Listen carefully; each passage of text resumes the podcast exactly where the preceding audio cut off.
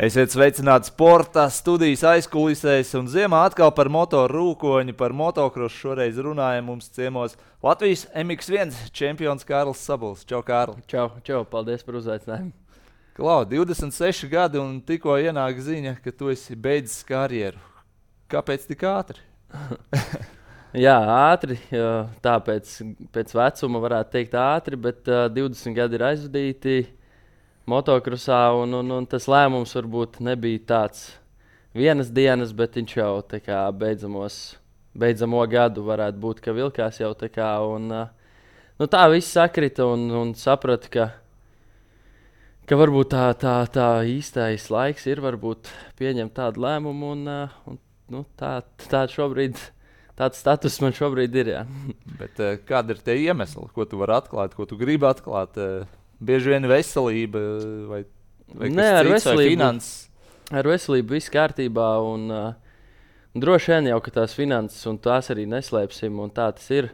Un tie beidzamie trīs gadi, protams, ka tas finansējums tehniskā ziņā no uh, komandas viss bija. Bet, uh, nu, tā braukšana tāpatās, gan, gan tie treniņi, gan, gan fiziskie treniņi, gan medicīna, gan uzturs. Tāpat degviela nāk klāt. Ne? Degviela ēšana, nu, tas viss beigās salasās mēneša garumā uz nu, diezgan lielu summu. Un, Ko tu vari atklāt apmēram?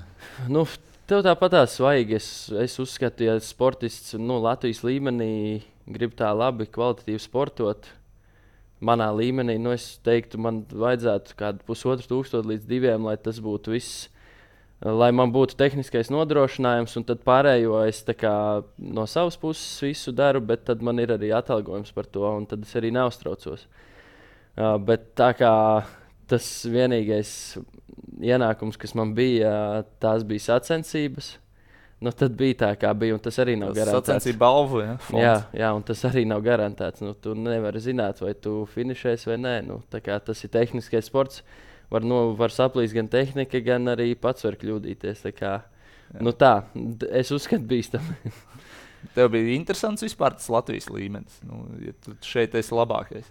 nu, jā, protams, jau bija tāpat tās Toms. Bija, Toms gan šogad, brau, pagājušo gadu brauca MX2 klasē, bet nu, jā, šogad Latvijā nebija īsti, kas varēja aizķerties. Uh, braucu Lietuvas čempionātu, jo man piedāvāja labu, labu dīlu Lietuvas komanda. Varēja nopelnīt. Jā, ja? un tā kā MX moduls komanda atļāva. Viņi teica, jā, droši brauc Lietuvas čempionāts. Es teicu, es pārstāvēšu Lietuvas komandu, viņiem vajag punktus. Komanda ieskaitē, tāpat kā tas arī tiek izcīnīts Latvijā. Un, un, un, jā, nu, tur bija bonus sistēma tāda, ka pa vienu punktu maksā 15 eiro. Bet labi, tur bija konkurence ar Minas Jasikonis, kas ir Oi. uh, visiem Nu, zināms. visos uh, posmos viņš nevarēja. Ne? Viņš nevinēja vienu posmu, vienu posmu arī es uzvarēju. tā kā Bonus sistēma punktu ziņā bija ļoti laba. Plus trijos no pieciem posmiem bija organizatoru vēl papildus balva. Uh, top 3 MX1 klasē. Es, man liekas, beidzamo reizi tik daudz naudas nopelnīju Vācijas čempionātā, pa trešo vietu kā Lietuvā. Tagad. nu, tad, uh, Tu pat Nu, biji viens čempions. ne? Otrā Jā, vietā jā. Vācijā bija. Un, uh, nu, tad arī bija. Un tur radās tā motivācija. Nu, mūsu līmeņa sportistiem, ir tāds atalgojums, tad arī, tad arī gribās braukt uz tādām sacensībām. Nu, tā kā tā. Jā, braukāt apkārt. Nebija interesi par citām valstīm. Atceramies, Matīs Karo arī nesen eh, beidza karjeru. Sveiciens Matīsam. Viņš kur tik nebrauca? Lielbritānija, arī otrā pusē okeānam. Tev nebija Jā. šādas vēlmes. Uh, jā, nu Vācijas čempionāts. Es biju jau braucis divas vai trīs sezonas tur. Un, uh, atkal otrs tur ir jātrenējas, lai tu brauktu uh, top līmenī. Tev ir jābūt kaut kādām tur ieskicēm, lai tu tur būtu. Un, uh, nu tā, piemēram, ja tu brauc no Latvijas un uh, gribi braukt visus posmus Vācijā, nu tās jau arī ir izmaksas. Un, ja tu pēc tam paņem, ā, ja tu, ja tu esi top 3 no sērijas, un tad savēl to starpību, nu, tad arī tas varbūt, nezinu, vai nostājas plusos. Nu, tā. Jā, iezīmē to ikdienu. Tajā brīdī, kad tu tā nopietni startēji, cik tu esi profesionāls, kā tu trenējies, kā tu ēdi, kā tu plāno dienu. Jā, nu tā, tā, tā ikdiena jau bija diezgan ierasta, jo nu, tas tika darīts uh, 20 gadus. Labi, tie pirmie gadi, protams, jauniešos bija tādi, uh, ko es arī tagad, uh, labi, to pēc tam paturpināsim par jauniešiem. Bet, uh, nu, jā, nu bija tev nedēļas plāns, es vadījos pēc nedēļas plāna. Tu pats sastādīji treniņu? Uh, pagājušo gadu mēs sākām kopā ar Kasparu. Kaspars man daudz palīdzēja pagājušo gadu. Kaspars Stupels. Jā, Kaspars Stupels. Un, uh, daudz palīdzēja. Mm, viņš arī beidzamo karjeras gadu aizvadīja savā nozarē, un, un, un tad viņam pašam bija mērķis kaut kur iet uz citu pusi, uz mehāniķiem. Viņš domāja, labi, tā Kārlis ir viens pats, kā trenējās visu dara, bet viņam īsti nav tā kā palīgs. Labi, ok, es gribētu pamēģināt paskrūvēt mocis, un es viņam uzticējos. Un uh, paralēli viņš man sarakstīja visu to nedēļas plānu, ko darīt, un uh, tas bija mans uzdevums. Uz treniņu ierados es, tad Kaspars piebrauca ar mociju, un uh, tas izveidojās. Nu, Gana profesionāli, bet. Uh, bet viņam ar tevi jāmaksā. Tad, ja? nu, kā kā mums tur bija sava veida barteris par to mm -hmm. visu. Un, uh, tad mēs tā draudzīgi tikām ar to galā. Bet, nu, jā, uh, ideja bija profesionāla, bet jā, nu, atkal te pietrūka tas, ka nu, pēc būtības man būtu Kasparam jāsamaksā par darbu. Uh, es darīju savu darbu, un nu, tad, tas viss bija tā, nu, caur, caur draudzību. Bet nu, mēs uh, jā, izcīnījām Reku Latvijas čempionātu. Vaidovs kausu ieguva, Baltijas čempionātu vinnēja un nu, vēl visus Lietuvas posmus, kas bija arī līdzi. Tur palikām otrajā. Jā, nu, no malas skatoties, kas par šķiet ir, eh, nu, ja ne top 1, tad top 5 treneris Latvijā. Ko tik viņš nav trenējis un ko tik vēl trenējis tieši fiziskajā sagatavotībā. Un no malas izskatās nu, nenormāli traki tie treniņi.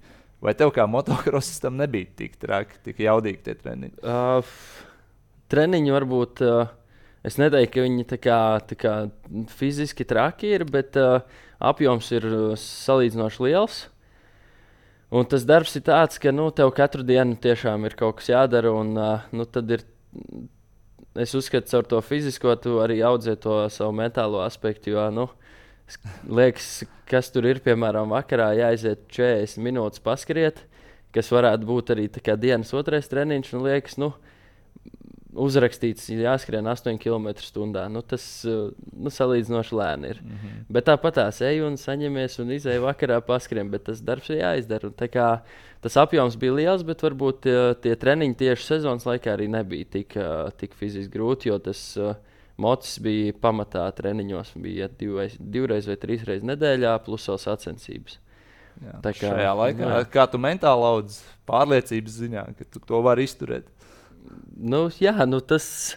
Zini, kā, kā tu jau trenējies un paliec stiprāks, un tad arī tā pārliecība aug. Un, uh, nu, uh, plus, ja labi nobrauc, tad jau arī tā, tas, tas būs, kā saka, tev, tev nāk klāt.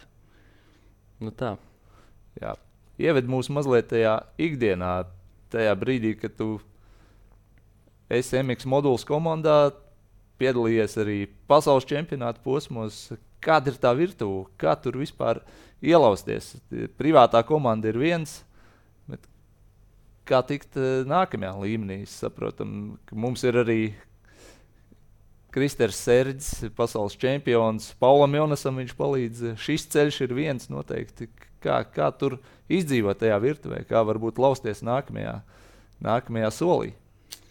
Jā, mēs varētu teikt, ka privātā komanda gluži pat nav sliktāka kā, kā kāda no rūpnīcas komandām, jo uf, tā privātā komanda var uztaisīt to komandu tādu savu mazu komandu. It īpaši, ja, piemēram, tu startē tajā pašā Vācijas čempionātā un uh, pāris Eiropas posmus, tad, uh, tad tas ir daudz vieglāk izdarāms. Vēl jau vairāk, ja ir labs uh, finansējums un tā komandiņa ir tev apkārt. Uh, Jo dažkārt ir tā, ka nu, daudz braucēju ir aplausušies, ka, nā, piemēram, tiek kādā no vai nu rūpnīcas vai satelīta komandās. Un, un tur tā sistēma īsti nekāda nav. Viņi tikai grib no tevis to dalības maksas naudu saņemt. Mm. Un tad, un tad neviens tevi tur nepieskata. Tur īsti nav ne mehāniķu, ne treneru.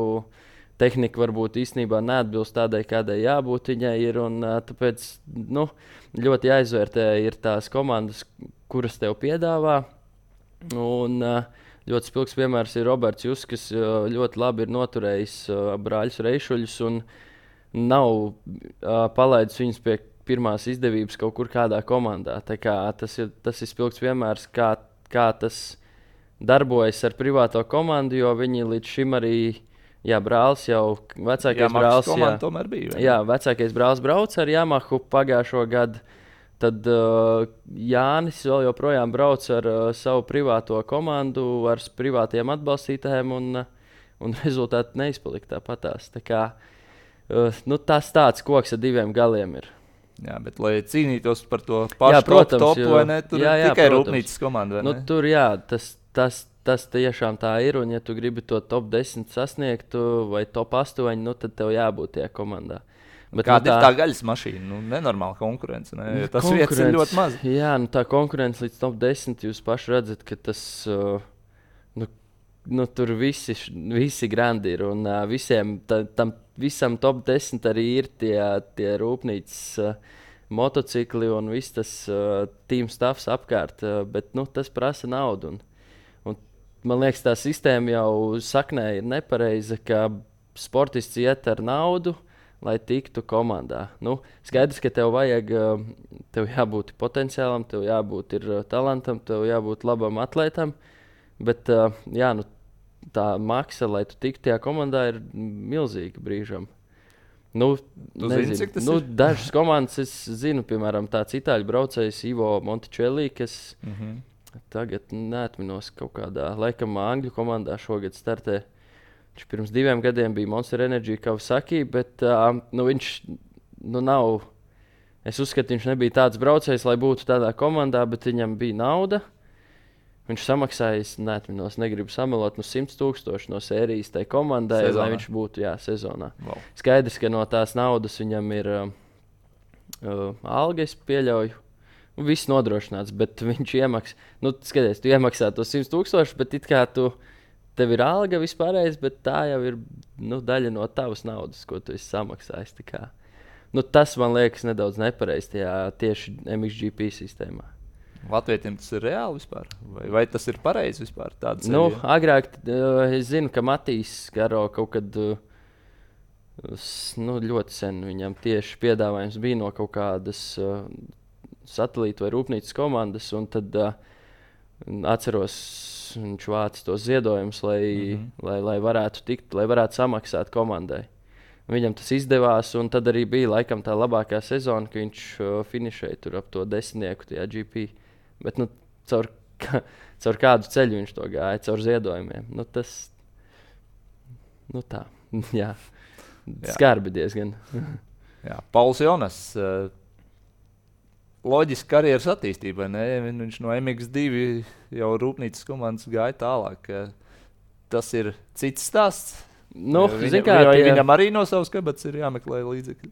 Nu, to es precīzi nezinu, bet uh, baigi daudz jau arī tas veiksmes faktors ir uh, svarīgs tieši arī motokrosā. Un, uh, kā jau iepriekš minēju par tiem brāļiem Reišuļiem, tad uh, viņiem pagaidām viss uh, tās, tās kārtas liekas, kā jāliekās. Un, uh, Un viens no, kas uh, viņi ir bez traumām, tas ir svarīgi. Un, uh, un viņi to, to, to posmu iet pareizi. Nu, no 125. pirmais gads. Uh, tāds uh, iepazīšanās, iebraukšanās gads, otrais gads jau viņi ir konkurētspējīgi. Uh, varbūt pat pārāk konkurētspējīgi viņi bija. Līdz ar to viņiem uh, ir līgums abiem brāļiem uz, uz šo gadu. Tagad vecākais brālis jau ir e MX 250 Eiropas klasē.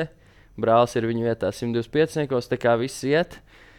Nu, ceram uz šo gadu, ka viss atkal aizies, un tad jau ir MX2 klase. Tad atkal visam jāsaliekās, un tad ir, nu, tad ir iespēja tajā GP tikt. Un, un Paulam tas ceļš izdevās. Nu, gan bez traumām, gan, gan vinēja tos junior titulus. Un, uh, arī vecums viņam bija atbilstošs, jo, jo viņam dzimšanas diena sanāk janvārī, mm -hmm. kas sanāk, ka viņš var tos. Uh, ja man, piemēram, es esmu pusgadu jaunāks, vecāks par Paulu, tad man tas tie gadi mainījās, un es, uh, ja Paulam bija slēd, noslēdzošais gads junioros, tad es vairs nevarēju to tajā klasē startēt. Un, kā, tas arī daudz ko dod. Un jaunieši, starp citu, tagad uh, pie tā diezgan pievērš uzmanību.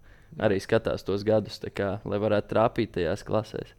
Jūs kā braucat kopā, vai ne? Mēs braucam kopā, jā, bet tieši kad bija tās sezonas, tie, tie pasaules junioru čempionāti, tad uh, vienu gadu, jā, tajos 85 klasē Francijā mēs to pirmo pasaules čempionātu nostartējām kopā.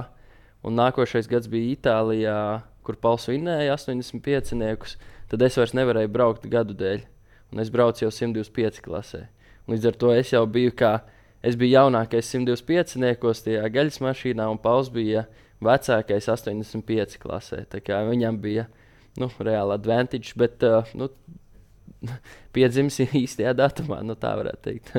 Jā, bet viņš tev bija labs konkurents. Jā, nu jauniešos mēs tur nu, visur, visur, gan Latvijā, Igaunijā un Eiropā, jā, līdz, līdz brīdim braucām kopā. Jā. Jā. Kurā brīdī tu jūti, ka viņš aizbrauks tik tālu, kā viņš ir aizbraucis? Jā, nu bija tieši tā pārējai, ka Pauls svinēja pārēja jā, Itālijas to pasaules čempionātu. Es braucu tajā 125 klasē. Un, Es biju gana jau tā kā augumā paliels. Es pārgāju uz MX2 klasi. Un uh, 2013. gadā bija pirmais gads pie modula. Zviedrijas Eiropas čempionāta sestā vieta. Pirmo reizi Eiropas čempionātā, kas bija jau visi bija. Un tas bija tas moments, kad es varēju, varēju, varēju ieķerties nākošais posms ķegumā, Eiropas čempionāts, un tur bija formāts agrāk uh, diezgan tāds dīvains. Uh, sestdienā sanāca pusfināls. Bet pusfināls bija vienkārši. Bija pirmā reize redzēju, ka bija pusfināls un fināls. Un pusfināls bija kā brauciens. Tu nobrauc braucienu, un kāds, kā tu nobrauc braucienu, tu tiec pie fināla pie tādas starta vietas. Savu veidu kvalifikāciju? Jā, savu veidu. Nu, principā kvalifikācijas brauciens mm. viņu sauc par pusfinālu. Un, uh, Es to pusfinālu nobraucu otrais aiz Sīvera. Sīvers brauc mm. tajā gadā, Bogers. Uh, nu, diezgan daudzi, kas uh, pašlaik brauc mm. MXGP klasē. Un, uh, un es apzinu tajā pusfinālā Bogeru, un uh, viņš finālā kā, zināja, ka es esmu viņam konkurents, un viņš mani apgāza startā. nu, tā kā plānoti nogāza mani, lai es, tur, spēlīts, jā, lai es viņam nemaisos pa kājām. Un, uh, tad to finālu varbūt ne tik labi nobraucu, un tajā gadā es uh, salauzu kāju, un uh, tā trauma bija paliela diezgan.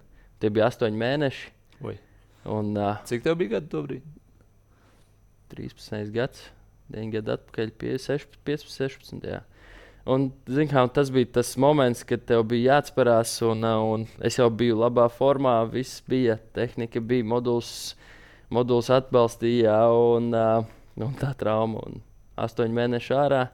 Tad nākošais gads atkal pa Latviju, tāda iebraukšanās, kaut kur kāds Eiropas posms. Un, un tā, un, nu, tie astoņi mēneši tajā vecumā, kad visi mēs esam. Uh, Nu, tā augam.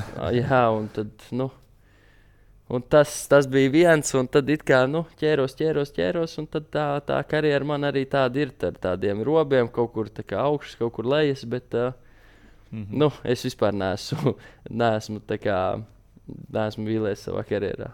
Jā, par to vēl paturpināsim, bet es mazliet par Pauli gribu tomēr parunāt. Viņš ir mūsu līderis, MXGP braucējs arī uz nākamo sezonu pagarinājis ar līgumu. Uh, tev, kad braucot ar viņu, viņš arī ir tavs konkurents. Tu ar viņu cīnies klasē. Kā to par viņu, kā par konkurentu var stāstīt? Kas ir tās viņa stiprās puses, varbūt vājās? Kā ir ar viņu cīnīties? Kāpēc viņš ir tik labs, ka viņš var tajā pasaules top 10 stabili braukt? Mm, nu, pa, es par Paulu varētu teikt, ka Paulam ir uh, vienkārši labas darba spējas. Un, nu, daudziem tādu nav. Tas ir skaidrs. Un, uh, nu, Pauls ir tāds, tāds darba rūķis. Un, un, un, Un, jā, nu, viens no mēs, mums zināmiem ir Kaspars Stupels, kas ir ļoti darba spējīgs. Un, un, un tad otru es varētu teikt, ka Pauls mm. motokrosā. Un, salīdzināt, ja? jā, un tāpēc arī uh, viņš izdara to, to darbu, kas ir jāizdara, un, un, un viņš strādā smagi, un tāpēc arī tas rezultāts ir. Un, uh, jā, labs smilšu braucējs. Visu mūžu dzīvojis Liepājā pa, pa laumas smiltīm. Un, uh, un tāpēc uh, fiziskais viņam ir labs. Arī labi treneri apkārt ir bijuši. Tas pats Everts. Un, uh, tie jau cilvēki daudz, daudz zina no motocrossa. Un, uh, jā, un tā karjera viņam labi salikusies. Un uh, viss ir tā gājis, gājis. Protams, ir tās traumas pavisam bijušas. Bet, uh, skaidrs, ka kaut kur tas potenciāls ir, bet to potenciālu māk izmantot. Nu, tā. Jā, tev forši cepura Latvijas motosporta. Eh, lecam iekšā nācija kausā 2022. gads. Eh, Amerika. Tur vēl vispār bija jautājumi, aizbrauks, neaizbrauks, kā aizbrauks. Es saprotu, ka tev arī bija jāpierunā. Pastāst, kāds bija tas sākums eh, pagājušā gada nācijas kausam. Kā ar tevi runāja? par nācijām runājot, man baigi nav jāpierunā uz izlasi. Ah. Tad man nepareizi informācija. Jā, man baigi nav jāpierunā. Tur varbūt sanāca tādas, uh, uh, tādas aizķeršanās, uh, kas. Tā kā es paliku bez moča beidzamo mm. mēnesi. Varbūt tas mocis nebija apstiprināts līdz galam, bet sākotnēji Pauls teica, ka, ka startēs nācijās un tā, un tā izlase tā veidojās ap viņu. Uh, Un tad uh, kaut kāds nu, ne, jā, nu, vairāk kā mēnesis pirms, uh, pirms, pirms Amerikas, tad Pauls paziņoja, ka īsti nebrauks. Bet sarunāts bija aizrunāts vai sarunāts, precīzi nezinu. Bija Paula komandas biedra mocis otrs, kas bija piešķirts man. Mm. Un tad tie divi moča konteineri tika, tiktu sūtīti uz Ameriku, un tā mo, moča problēma būtu atrisināta. Uh, bet tā kā paziņoja, ka viņš nestartēs, uh, tad mēs visi palikām bez braucēja, bez moča.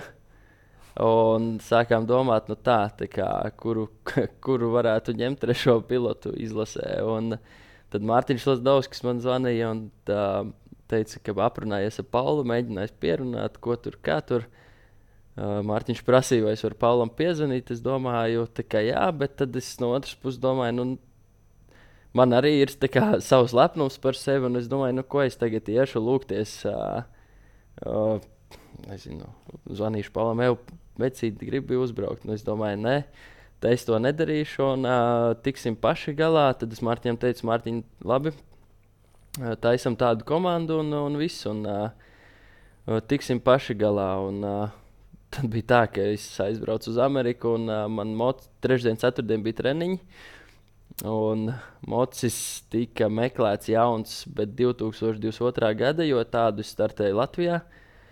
Bet tādus jau vairs nevarēja nopirkt uh, pagājušā gada vasarā. Bet me Tāpēc, meklēja tur uz vietas Amerikā. Jā, meklēja, jā, jaun, jā, meklēja jaunu mociju mm -hmm. Amerikā. Un tādus vairs nevarēja nopirkt, jo vasaras vidū viņas beidza ražot. jo iznāca jaunie modeļi 2023. gada kaut kur atradām, Kalifornijā atradām oh. moci. Tad, kur bija mačs? Čikāga. Oh, nu, uh, jā, nu, Mičigāna sanāca no Čikāgas. Uh, no Čikāgas iebrauc uh, Mičigānas štatā, un tur bija pusotra mm -hmm. stunda. Jā. Un tad meklēja transportu. Transports no Kalifornijas veda moci. Un, oh. uh, trešdien bija treniņš, man trešdien nav moča. Es sestdien jābrauc, ir man nav mocis. Ir krosiņš. Uh, nē, atbrauc Tomam, atveda močus. Arī bija sarunāts, ka Tomam būs divi moči, un atveda divus močus, bet otrs mocis bija 125. atvests. Kā brauc Jānis Reišs ar tādu mm. moci. Un, uh, es tā kā paņēmu formu līdzi. Es domāju, nu labi, lai būtu tas uh, moča laiks, tā moča sajūta, kaut kāda aklimatizācija. Es teicu, labi, es paņemšu to uh, mazo moci, vienkārši pavizināšos trešdien. Un ceturtdien, piecos no rīta, pie hoteļa piebrauc tā, tā fūra un ie, ieveda hotelī iekšā mocis. Tad valdes uh, komandas izlases uh, vadītājs un uh, moduls menedžers gāja pakaļ tam manam mocim piecos no rīta. Tad ceturtdien nobraucām normāli, pilnvērtīgi treniņu.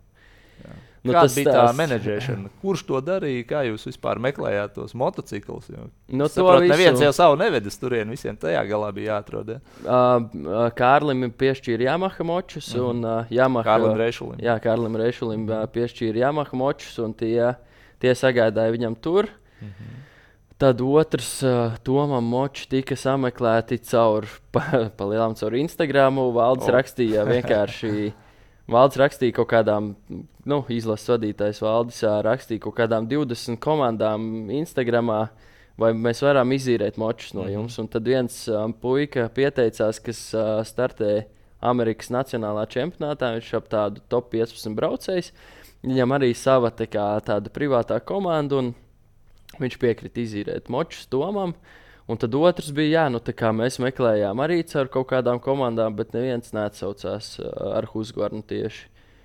Un tad nācās, jā, nu, pirkt jaunu mociju, un, un, un, un tad uh, to visu menedžēja gan, uh, gan Valdis, gan, gan palīdzība bija tur no, no Roberta Justa tēva puses, jo viņam tur Čikāgā bija radinieki, kas tur palīdzēja. Nu, tu, tur viss tāds. Un, uh, Amerikāņu latvieši? Jā, amerikāņu latvieši. Un, uh, nu, tāpēc es saku, tas tā 11. vieta nācijās ir. Uh, tas, ko mēs redzam uz papīra, bet tas, tas uh, background, kā tas tika izcīnīts, nu, tāpēc es saku, tas tāds. Es saku, ja būtu top 10, tad vispār tas būtu mega, mega. Bet nu 11 tāpat tās ir. Jā. Kādi bija tie apstākļi tur uz vietas? Es saprotu, parasti īrē tādu lielu mašīnu traku saucamo, Jā, jā, jā. žargonā runājot, bet šoreiz laikam jums bija telts. Nē, mums bija, mums bija motorhomes un tieši tā, tā džeka. To, ko, tas, kurš īrēja močus Tomam, mm -hmm. viņam bija savs mehāniķis, kam bija tāds motorhomes. O, Tāda nu, paliela, tāda paliela fūra, dzīvojamā māja. Un, nu, tur bija forši. Tur vismaz bija tā, ka mēs varējām ieiet iekšā, pasēdēt tajā fūrē, uztaisīt tēstu, atpūsties. Un uh, aizmugurē tad, tur, kur bija tā motora telpa, tad moči kā visu dienu bija ārā. Tad mēs piloti tur ģērbāmies, un tā bija tā kā mūsu vieta. Un, Jā, bija teltis, saliktas, bija galds. Nu, tā viss bija. Tas uh, setups viss bija diezgan ok. Un, uh, otrs bija, man atbrauca no, uh, no, no cēsīm visi, visi mani draugi. Kaut kādā astoņu gabali atlidoja no, no cēsīm uz, uz, uz uh, Ameriku. Tad man krustmāte dzīvo Čikāgā. Tās atbrauca. Wow. Pirmo reizi redzēju motocrossu vispār savā mūžā. Es viņas biju divreiz saticis uh, arī. Um, kad 30 cilvēki bija latvieši. un Tas, tas, tā, tā komanda jau tas viss, tas, tas, tas vibes saucamais bija viss kā vajag. Jā. Kā ar moču skrūvēšanu, tehniski pietika. Jā, tur viss bija kārtībā. Protams, ka puiši varbūt nebija tik zinoši. Kaut kādā brīdī tādi viņi Vietējie? pirmkārt, jā, vietējie, un tie bija tie, tam sanāca, man bija. Man bija ļoti labs mehāniķis, tam, kam bija tā tieši tas tā fūra. Viņš mm -hmm. pats kā, diezgan daudz uh, pavadījis gadus motokrosā, un uh, arī viņš bija mehāniķis tam čelim, kas īrēja močus. Tā kā viņš jau bija tā kā tā, tā, to pro virtuvi nedaudz sajūtis, bet uh, kas viņiem bija interesanti, viņi to nācijās tas formāts ir kā MXGP formāts. Bet tas viss notika Amerikā, un viņi kā domā, kā tas ir. Kā, mums ir parasti tur piekdienās tās pres, preses dienas, tad sestdienās viņiem tur ir kaut kāds viens tas brīvais treniņš, un tā kā brauciens jau no viss viņiem citādāks formāts ir. Viss notiek tikai Jā, un, un, jā? un viņi tā kā nesaprot, uh, kur mums jābrauc, kas jādara, cik ilgi un kā tagad tas vispār tas nācija formāts jau arī pavisam cits. Kā tagad divi braucēji brauks kopā, un tad viņiem kamēr. Kamēr, kamēr to piekdienas, sestdienu viņi adaptējās un saprata to, bet uh, nu, svētdien jau viss bija labi. Un, un, un, ah, un uh, lietuvieši nekvalificējās, un tad bija tā, ka tā starpa starp uh, braucieniem ir 40 minūtes starp pirmo un otro. Un Kārlim Reišulim uh, kaut kas notika ar sajūgu, un uh, nu, tie mehāniķi tur ņēmās, darījās, un uh, Roberts Justs aizskrēja pie lietuviešu komandas, un viņš zināja to vienu mehāniķu, un to vēl pasauc palīgā. Nu, tā kā pa visiem tāda tā darbs. Jā, jā, tikām galā. Jā. Kā jūs motivējāt viens otru? Jo Kārlim vispār tas laikam bija piedzīvojums. Es esmu drebējis pirms starta. Jā, viņš nevarēja sagaidīt gan treniņus, gan, gan tikt pie starta, bet um, baigi tur nebija jāmotivē visi. Un, uh, un, un, un, uh, nu, jā, tā sajūta, laba tā, tā izloze atkal trāpījās uh, izcila trešā vieta. Un, Tas uzreiz tāds atceramies, uzreiz viss tajās atmiņās kavējās par pagājušo gadu, par Itāliju, ka izvilkām otro starta vietu. Mhm. Tad atkal tagad esam Amerikā trešā vieta. Zinām, uzreiz tāds flashbacks, tā labā starta vieta būs. Ir jau pieredze. Nu, jā, ir pieredze, un uzreiz tas tā, tā labā sajūta. Un, un baigi žēl, ka es to startā pirmajā līkumā piekrītu, nu, tā, kā, tā, tā neveiksmīgi nokritu. Un tāpat it kā nobraucu 18. bet es zināju, ka nu, tas var būt arī.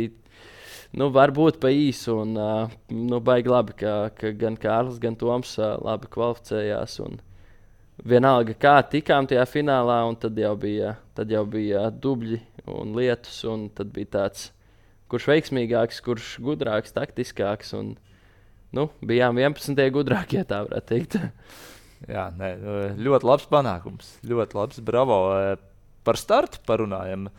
Es zinu, ka tu pirms dažiem starti, mačiem pat 100 līdz 200 reizes to startu trenē, trenē, trenē kāds ir tas starts. Jo no malas izskatās, vienkārši viss sabrauc čūpā, pirmie divi aizbrauc, pārējie dzenās pakaļ. Bet kāds ir tas starts, kādi ir rakstītie, nerakstītie likumi, kā, kā ir jāatrenē starts? Jā, nu tas, ka GP ir tā starpība, atšķirība, ka, ka ir tas režģis uz starta, tāda metāla režģa starts. Un tā kā es visu sezonu braucu šeit pa Baltiju, nu, tad man īsti nebija iespēja to, uh, to patrenēt. Bet tā kā Tā kā es teicu, tad, kad uh, mēs pirms tā mēneša uzzinājām, ka jāveido pašiem sava tā izlase un ka mēs tomēr brauksim uz to Ameriku, lai vai kā, uh, tad es sapratu, nu, ka vajag to režģi kaut kur dabūt. Un, uh, tā kā mums ir uh, draugi no cēsīm, no metāla pasaules. Uh, Čaļi, kas ņemās ar metālu, tad uh, viņi man palīdzēja, uzsponsorēja uztaisīt tādu metāla režģi tieši priekš starta treniņiem. Uh, uh, individuāli. Un, uh, tad es katru treniņu kopš tās dienas līdz nācijām visu laiku man viņš stāvēja busā, un es tikai ņēmu līdzi. Un, uh, tikai, tikai katru dienu, cik es biju trasē, tikai arī es to startus braucu. Un, uh, nu, tīri tu dabūt to sajūtu, jo tā ir uh, savādāka nekā ņemt no zemes to startu. Tur bija nedaudz specifiskāks tas starts. Ir, un, uh, un, jā, un, uh, nu, skaidrs, ka cik labi to startu paņēmi. Un tā tehnika varbūt mums arī nebija tā jaudīgākā. Mums bija standarta salīdzinoši tā tehnika, bet tā, tāpat tās beidzamo startu es ļoti labi aizbraucu ap top 10. Jā, kā, kāda ir tā cīņa plecs pie pleca?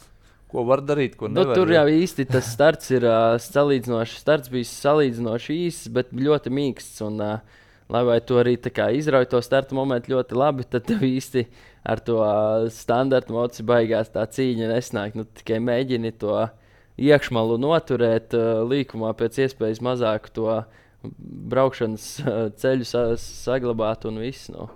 Nu, ja tu izbrauksi, jo bija pirmo startu mēs darījām tā, iet uh, MX2 klase un Open klase, ne, mm -hmm. GP un MX2. Un tad, uh, un tie dubļi bija tik lieli, ka mēs ar Robertu nospriedām, ka laidīsim Kārli Rešu iekšmalā, jo viņam ir vēl mazāks mocis, vēl mazāk jaudīgāks. Mm -hmm. Tad, lai Kārlis vienkārši mēģina pēc iespējas ātrāk apgriezt līkumu pa iekšmalu un aizbraukt veiksmīgāk.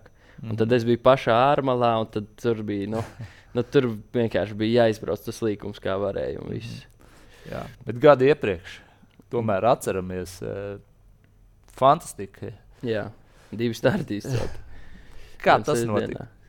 Nu, tur uh, tur, starpība. tur arī tu biji labi patrenējies. Jā, nu, tu, tur mēs arī patrenējāmies labi startus, bet tur bija mana tehnika. Mm -hmm. uh, nu, kā jau bija pieejama, tā bija Itālija, tad viss, viss bija savs. Un, uh, un, un, un, jā, nu, tā otrā starta vieta bija sestdiena. Pirmais izceltais starts bija manā kvalifikācijas braucienā. Es izcēlu, tad pāris apļu pa priekšu un kvalificējāmies sestie kas bija laikam augstākais mm -hmm. kvalificēšanās rezultāts. Un uh, sastāvā starta vieta tajā trasē Mantovā ir uh, līdz pat desmitai vietai. Tur ļoti labi. Tā kā var tikt labā starta vietā. Un, Un tas fināla brauciens, jā, nu, izcēla to startu. Un, nu, tas, pirmkārt, es zināju savu moci. Es ar to moci biju arī mājās trenējies startus. Tā kā es biju diezgan labi apredzis ap to.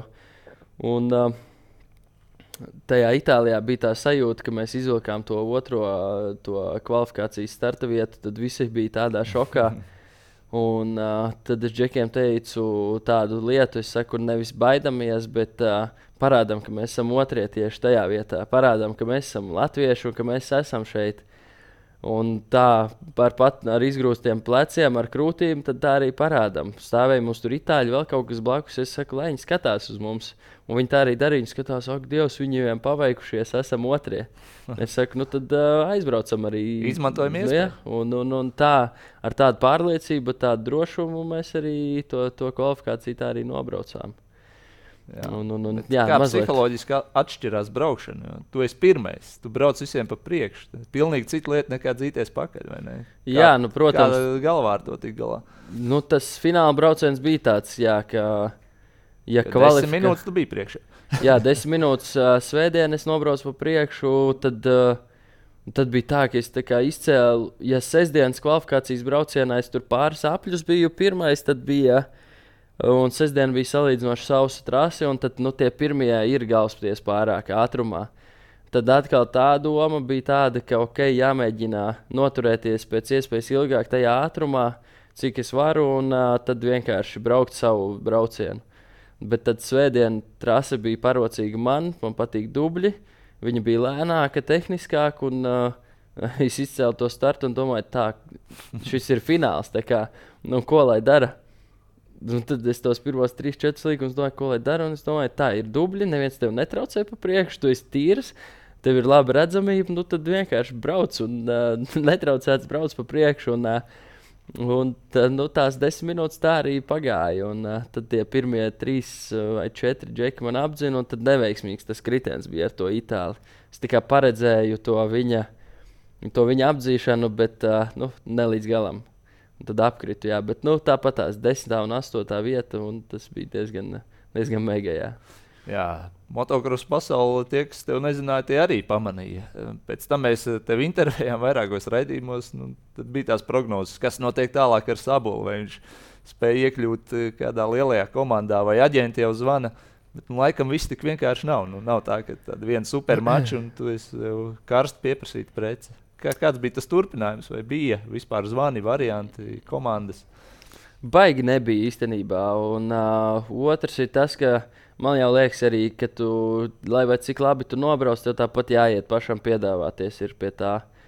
Un droši vien, ka uh, vajadzētu kaut kādu vēl uh, cilvēku, kas uh, varbūt manā vietā kaut kādus tur e-pastus sūta vai raksta, Menedžeri. vai, jā, vai iet, vai ņemās pa to, pa to padoku. Un, uh, Un parāda, re, kur tas ir mans braucējs, un re, viņš bija desmit minūtes priekšā. Varbūt uh, nu, mēs varam uz nākošo gadu kaut ko runāt, vai tā. Bet uh, es tā kā pats biju pēc tās sezonas, uh, tāds nu, beidzās tās nācijas, un man bija tāds atvieglojums. Un, uh, es pats baigi neiespringu uz to, un uh, varbūt kaut kur zemapziņā arī man pat īsti nevilka uz to GP īsti. Un es tā kā īsti negribēju pats, jo uh, tā pilnā sezona vai arī pussezona tajā tad ir. Uh, tu mēnesi atbrauc tagad mājās, nepilnu mēnesi, un viss, un tad vai nu tu dzīvo Beļģijā vai kur, un uh, nu, man laikam to negribējās. Un, uh, man patīk mājās būt, uh, ja vēl vairāk, ja mājās tomēr ir,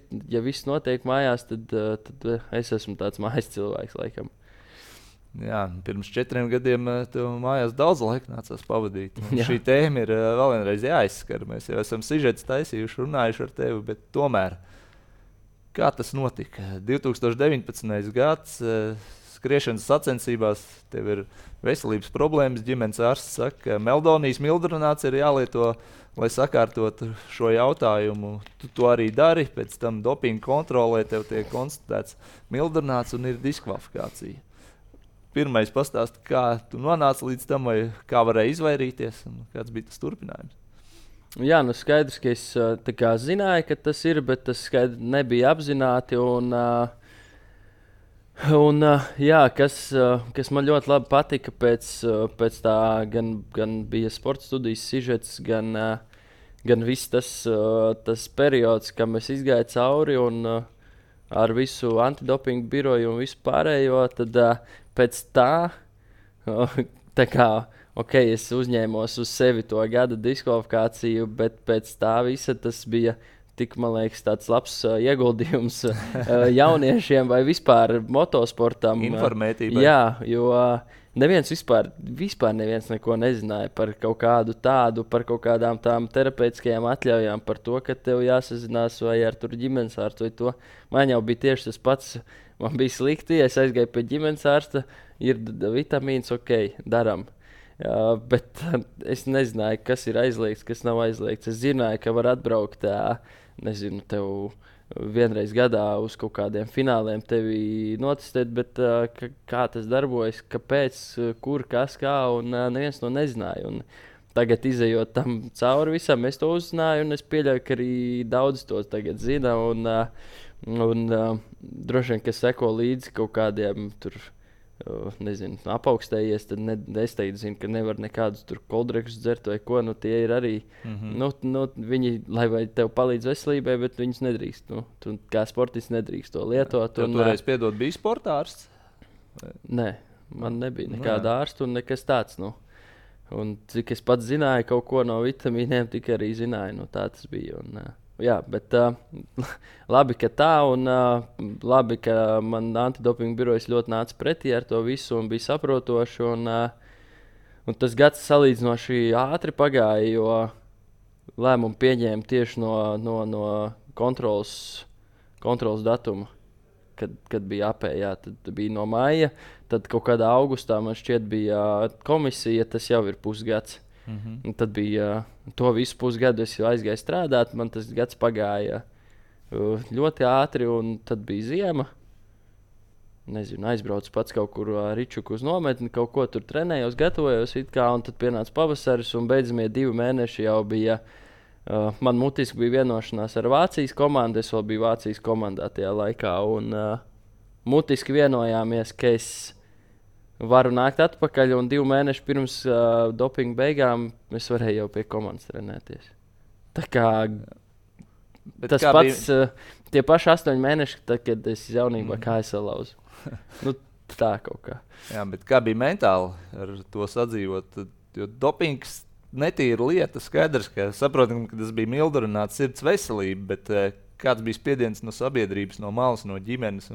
Nebija tā, ka šķīvi kāds skatījās, un ar to bija jātiek galā. Ka, hei, dopingotāji, ko tu vispār te? Uh, jā, bija, bija. bija un, uh, nē, no ģimenes ģimene palīdzēja daudz, un, un, un māma tur cēlās un krita, lai tur visu sakārtotu, un, uh, gan finansiāli, gan. Uh, gan vispārējo, kā, un es tur kāds jaunais gurķis vispār nezinu, kas ir uh, kas ir jurists un kas ir dokumenti un kur tur ir e-paraksts un viss tas, nu, tad, uh, tas jau arī man viss jauns. Un es jau to visu saku, ka tā bija pieredze visā man. Nu, visu, visu kaut ko jaunu izmācījos. Un tad bija tie, tad bija ot, šitie visi, kas. Uh, O, tu jau tur nevarētu pabraukt uh, bez, bez tā un šitā te. Un, uh, un tad atceros, bija tieši 19. gada ķēguma GP.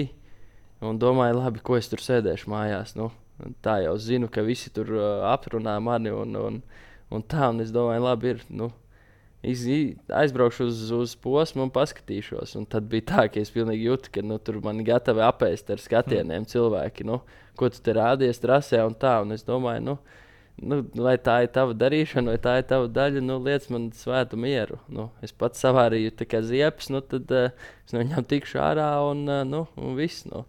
Bet tā jau ir. Vienmēr jau sliktās ziņas cilvēkiem uh, patīk vairāk. Un, uh, Jā, bet tu un, nesabruki, piedod, jo nē, tu sāki strādāt. Arī, es aizgāju ne? strādāt. Nu, skaidrs, ka kaut kas bija jādara. Es sapratu, jo tajā brīdī es nezināju, vai tie būs. Uh, es pēc tam tur sāku to informāciju meklēt. Zināju, ka nu, četri gadi. Es domāju, nu, labi, nu, viss, nu, tad iešu strādāt. Uh, un tad jau redzēs, kur tie, kur tie dzīves ceļi man aizvedīs. Un, un, un tad, uh, kā, tam visam progresējot, nu, tad piešķirt to gadu. Un, un tad man bija tā, ka es gribēju parādīt visiem, ka nu, ta, tas, tā ir manis nezināšana un mana kaut kāda pavirša kļūda. Un, Un varbūt tās manas bailes, ka man tā veselība nebija laba un viss, un es tikai gribēju sevi pasargāt no kaut kādām veselības problēmām. Un ar tādu domu es arī nākošais gads, uh, arī man liekas, ka viena no labākajām sezonām bija. Nu. Jā, tas pats Vācijas nu, čempions uzreiz. Jā. Un, un, un tad, uh, nu, tad, tad es arī visiem tiem uh, skauģiem, vai kā viņus tur nosaukt, parādīju, arī, ka varu arī bez tā tikt galā. Jā. Ko tas darbs tev iemācīja? Es saprotu, tu cēlās mafijā, saucamajā. Jā. strādāji tās pamtrakta trases, taisīji. Ko tas tev iemācīja? Vai tā bija tāda pirmā reize dzīvē, kad tāda reāli katru dienu Jā. jāiet uz darbu? Nu, pirmā oficiālā, pirmais oficiālais darbs, jā. Iemācīja, nu, ko ar blieti braukt. blieti stumt iemācīja un ķerot un asfaltu lietu. Nu, smags darbs diezgan, bet nu, kaut, kaut kā tajā brīdī savilku kaut kādas paralēlas ar, ar motocrossu. Tur bija ā, riteni, varēja pabraukt ā, trase, kaut kādi elementi. Nu, likās kaut kādu to savu zināšanu varētu pielietot tajā darbā, bet nu, diezgan minimāli tur varbūt izvar, varēja patestēt trasi pēc trases uzbūvēšanas. Bet, uh, Tur bija viss tā līmeņošana, viss, viss es tur man viss jauns, bet uh, neko nu, pastrādāju. Biju Zviedrijas projektā vienā foršā.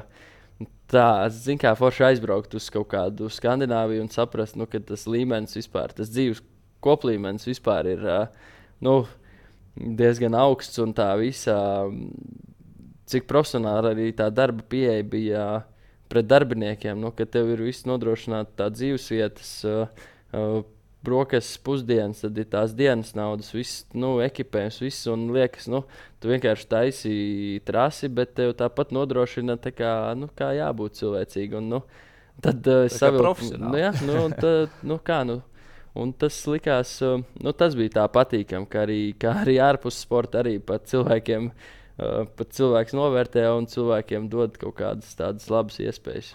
Jā, nu mēs sporta pasaulē bieži vien runājam mūsdienās par duālo karjeru, plāns B, izglītība, jādomā par to, ko darīs pēc karjeras. Nu, Tev tas brīdis, laikam, bija tas, kas atvēra acis. Hei, ir arī cita pasaule, īstā dzīve ārpus sporta. Jā. Tā tas ir. Jā. Tas ir un tāpēc saku, vienmēr ir daudz ko darīt dzīvē, arī bez sporta. Bet, nu, protams, ja tu esi atlēts un nu, tas ir tavs darbs, un par to tu saņem naudu, nu, tad, tad vienalga, kā nu, tu, tu dari to darbu. Bet, uh, bet nu, jā, ja tu dzīvo no bonus naudām, nu, tad, uh, tad ir pašoki. Redz, tagad tava karjera oficiāli ir beigusies. Tu pats to esi paziņojis bez nu, tādiem redzamiem ārējiem apstākļiem, diskvalifikācija. Tā jau ir sena pagātne. Tu jau biji atgriezies augstā līmenī.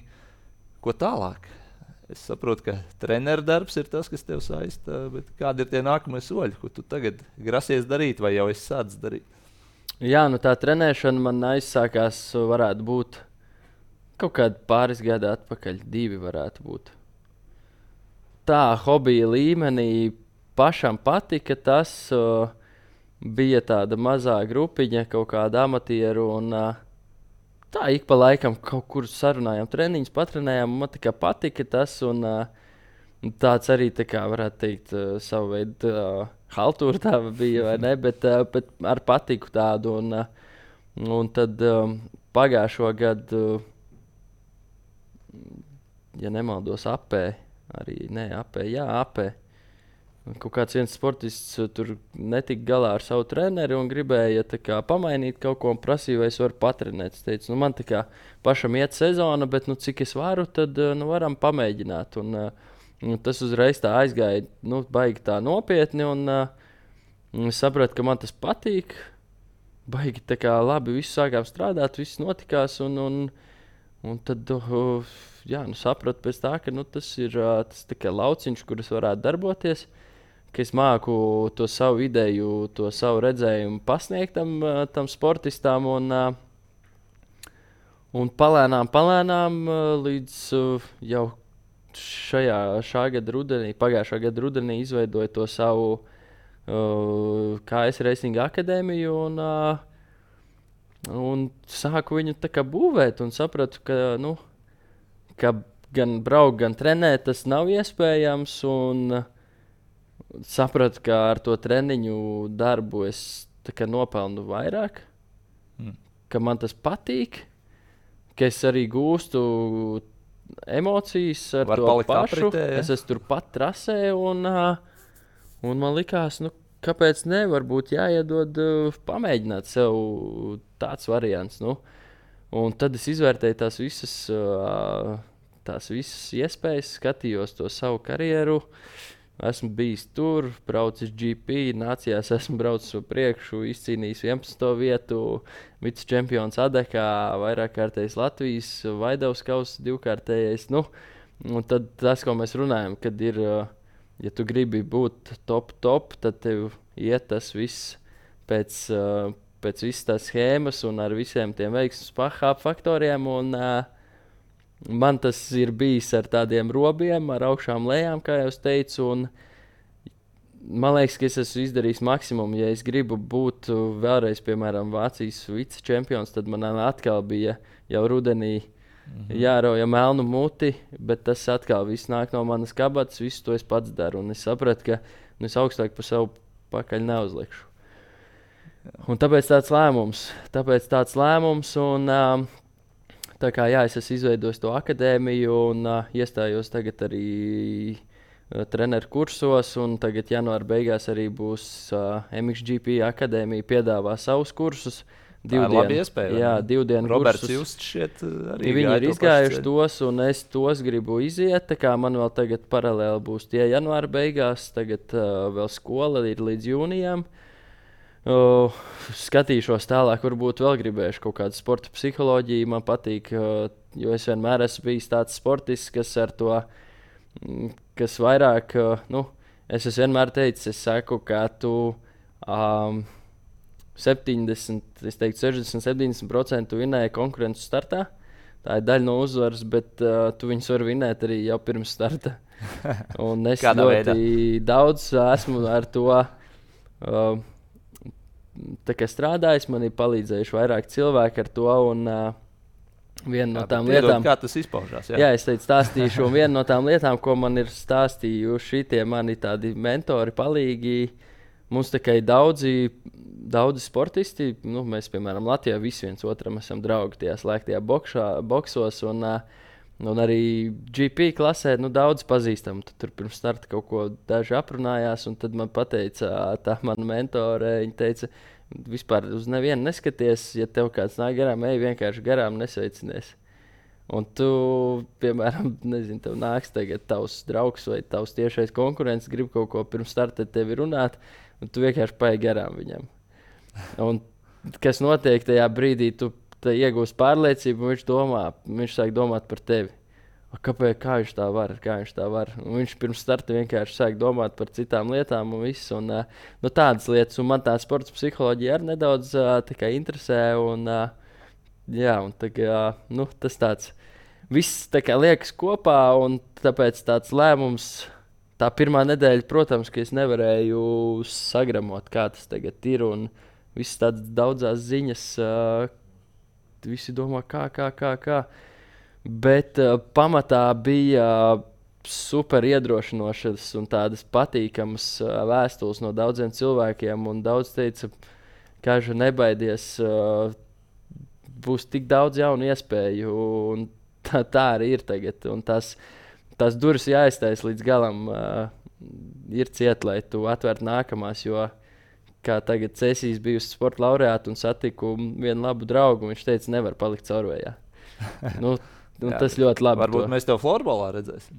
Ne, Nē, florbols man tāds uh, hobija līmenī, un uh, man tas patīk. Tāds sports, es saku, bērnībā, cik es tieši tie 12 līdz 18 gadi, nu, es nospēlēju ilgi viņu, un tāpēc uh, man tā arī tā kaut kāda tā, tā pamatbāze viņā ir, un tos visus. Uh, tos nezinu, noteikumus, to spēles gaitu. Es saprotu, tāpēc man viņš patīk. Nu.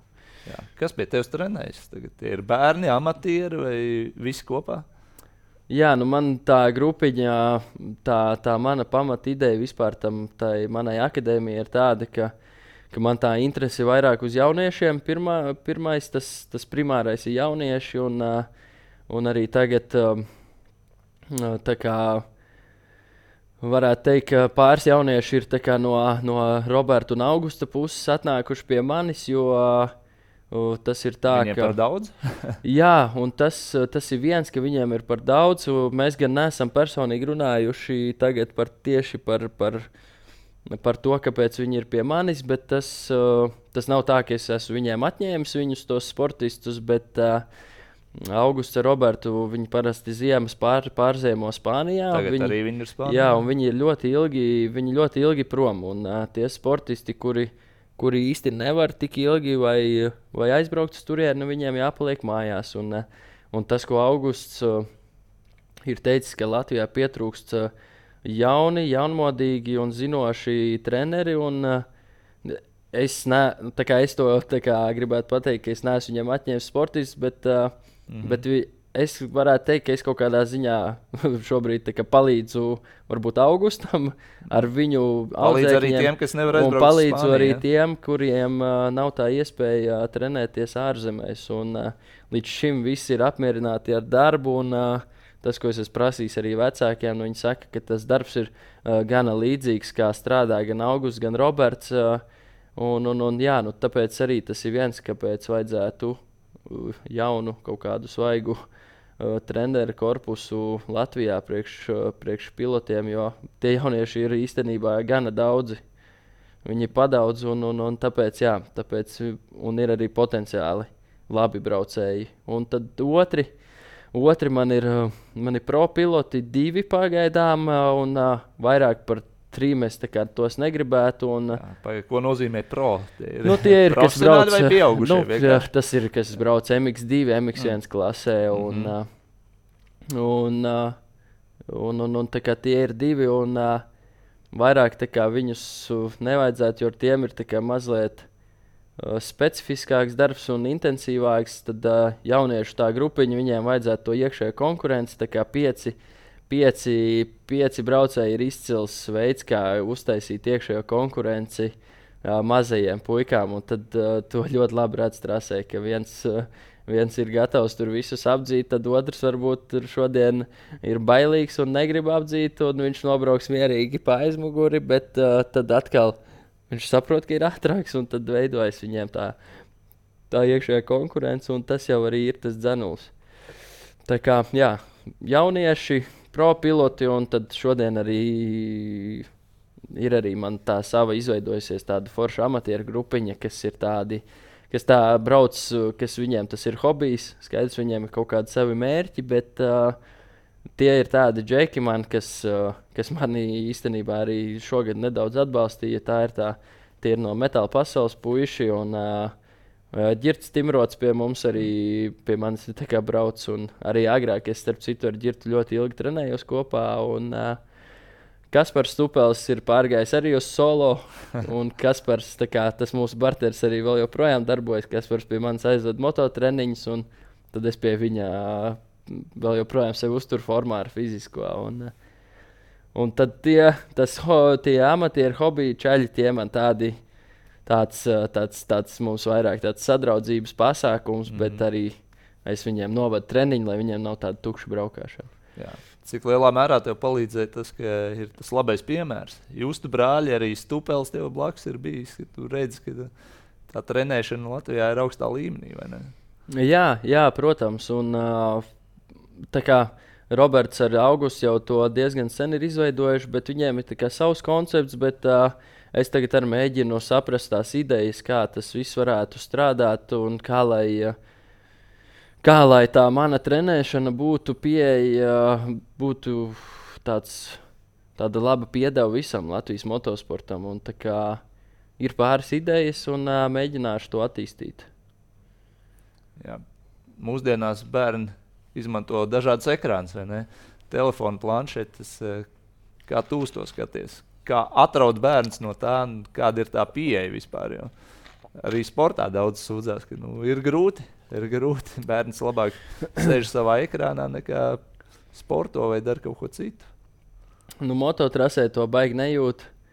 Sīkiem, Ja viņi tik tālu ir Jā. tikuši, ja. Nu, sīkiem laiks vispār nav. Atbraucot treniņu, viņi izkāpa no, no mašīnas, viņi jau ir formā, saģērbjās, un tad mums tāds gandrīz līdz trīs stundām tas treniņš ir. Un, uh, tad, kad ir pauzītes, tad viņi visi tur aiziet uh, vai nu trasi skatīties, vai atnāk pie manis, vai pēd, padzerās. Tas, to es neesmu pagaidām līdz šim. Es nevienam neesmu telefonu redzējis uh, rokās treniņa laikā, kas ir itī forši.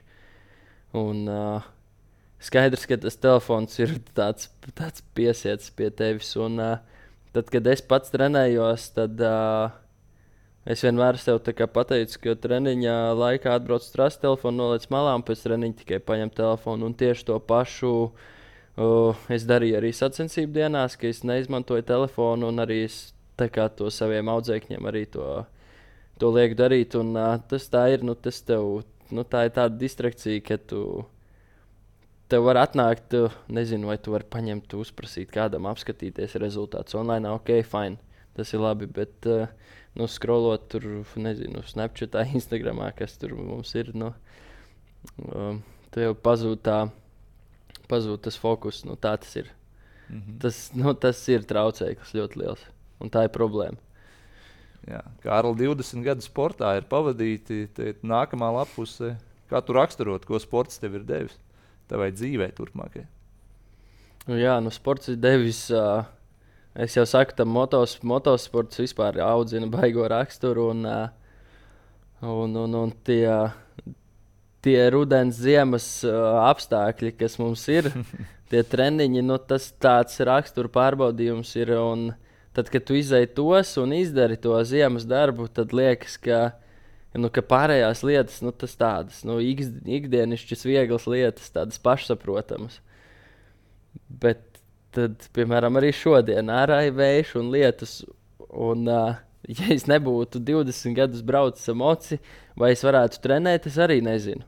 Jo arī man šodien ir jādzīvo trasē, trijos grādos, lietu un vējā, bet uh, tas ir mans darbs tagad, un man tas patīk. Un, uh, es uz to skatos kā, kā nu, kā, kā uz darbu un viss. Un tā ir, nu, jā, tā ir uh, droši vien ka, ka raksturs, uh, es gribētu teikt, drosme. Uh, kaut kādā ziņā varētu teikt, uh, tāda neatlaidība un uh, nu, visās tās, kas ir tās sportiskās rakstura īpašības, kas arī noder arī ikdienā. Nu. Varbūt tagad to profesionālo pieeju mazliet prasās nolikt malā. Brīžām liekas, ka ka pa daudz es atkal aizraujos. Bet, nu, vietām... ir tā sajūta, ka mēs te vēl trasē kaut kādos amatieru mačos varētu redzēt. Nu, sports nu, tam tā grūti ir pavisam eh, nolikt malā. Ir grūti, jā, bet ja, kā, ja tagad uh, tas darbiņš ir tāds apjomīgs un daudz, tad uh, es esmu ar mieru arī pabraukt pāris treniņus savam prieka pēc. Un, uh, un būtu, būtu arī ja to apmierināts. Bet var jau, nu, tā, to jau redzēs. Varbūt Varbūt ne motokrosā, varbūt enduro, varbūt eh, nezinu, kaut kur. Bet pagaidām, pagaidām tiešām nezinu. Jā, ko motokrosistiem novēl pirms starta? Parasti? Kas ir tās lietas? Parasti pirms starta, nu nezinu. Jā, nu tā standarta frāze veiksme, bet, nu, ko veiksme, veiksme jau arī bišķiņā nopelna, arī tā tas ir. Un, uh, Uh, nu, nezinu, es parasti man tāds foršs teiciens, ko man viens uh, labākais draugs parasti tāds, uh, viņš man parasti pirms sacensībām uzrakstīja veiksmi, un tad viņš saka, vēsu prātu, kā karstu sirdi. Un, uh, nu, tas, tas ir tas mans moto, ko es sev vienmēr pasaku. Un, uh, nu, tā, tā ir vienmēr jāsaglabā tas vesels prāts, tīpaši motosportā pie starta. Tu sāc tur sāc domāt daudzās domas, un kas būs un kā būs nu, tad tu zini, ka nebūs. jo tā nevar. Un, uh, tad vienmēr tas vēsais prāts ir, bet uh, vienmēr jābūt tai, lai tas uguns vēderā deg un uh, nu, tai. Tiem sakos, tiem zobiem skaidrs, ka tā jābūt, bet vienmēr tas vēsais prāts jāsaglabā. Super. Tev arī vēs prātu un karsts sirdi jaunajā dzīves lapusē. Paldies, Kārlis. Paldies. paldies. Jā, tas bija Kārlis Sabuls, eh, motocrossists, tagad jau motocross treneris. Paldies, ka bijāt kopā ar mums un tiekamies jau nākamajās sporta studijas aizklausēs.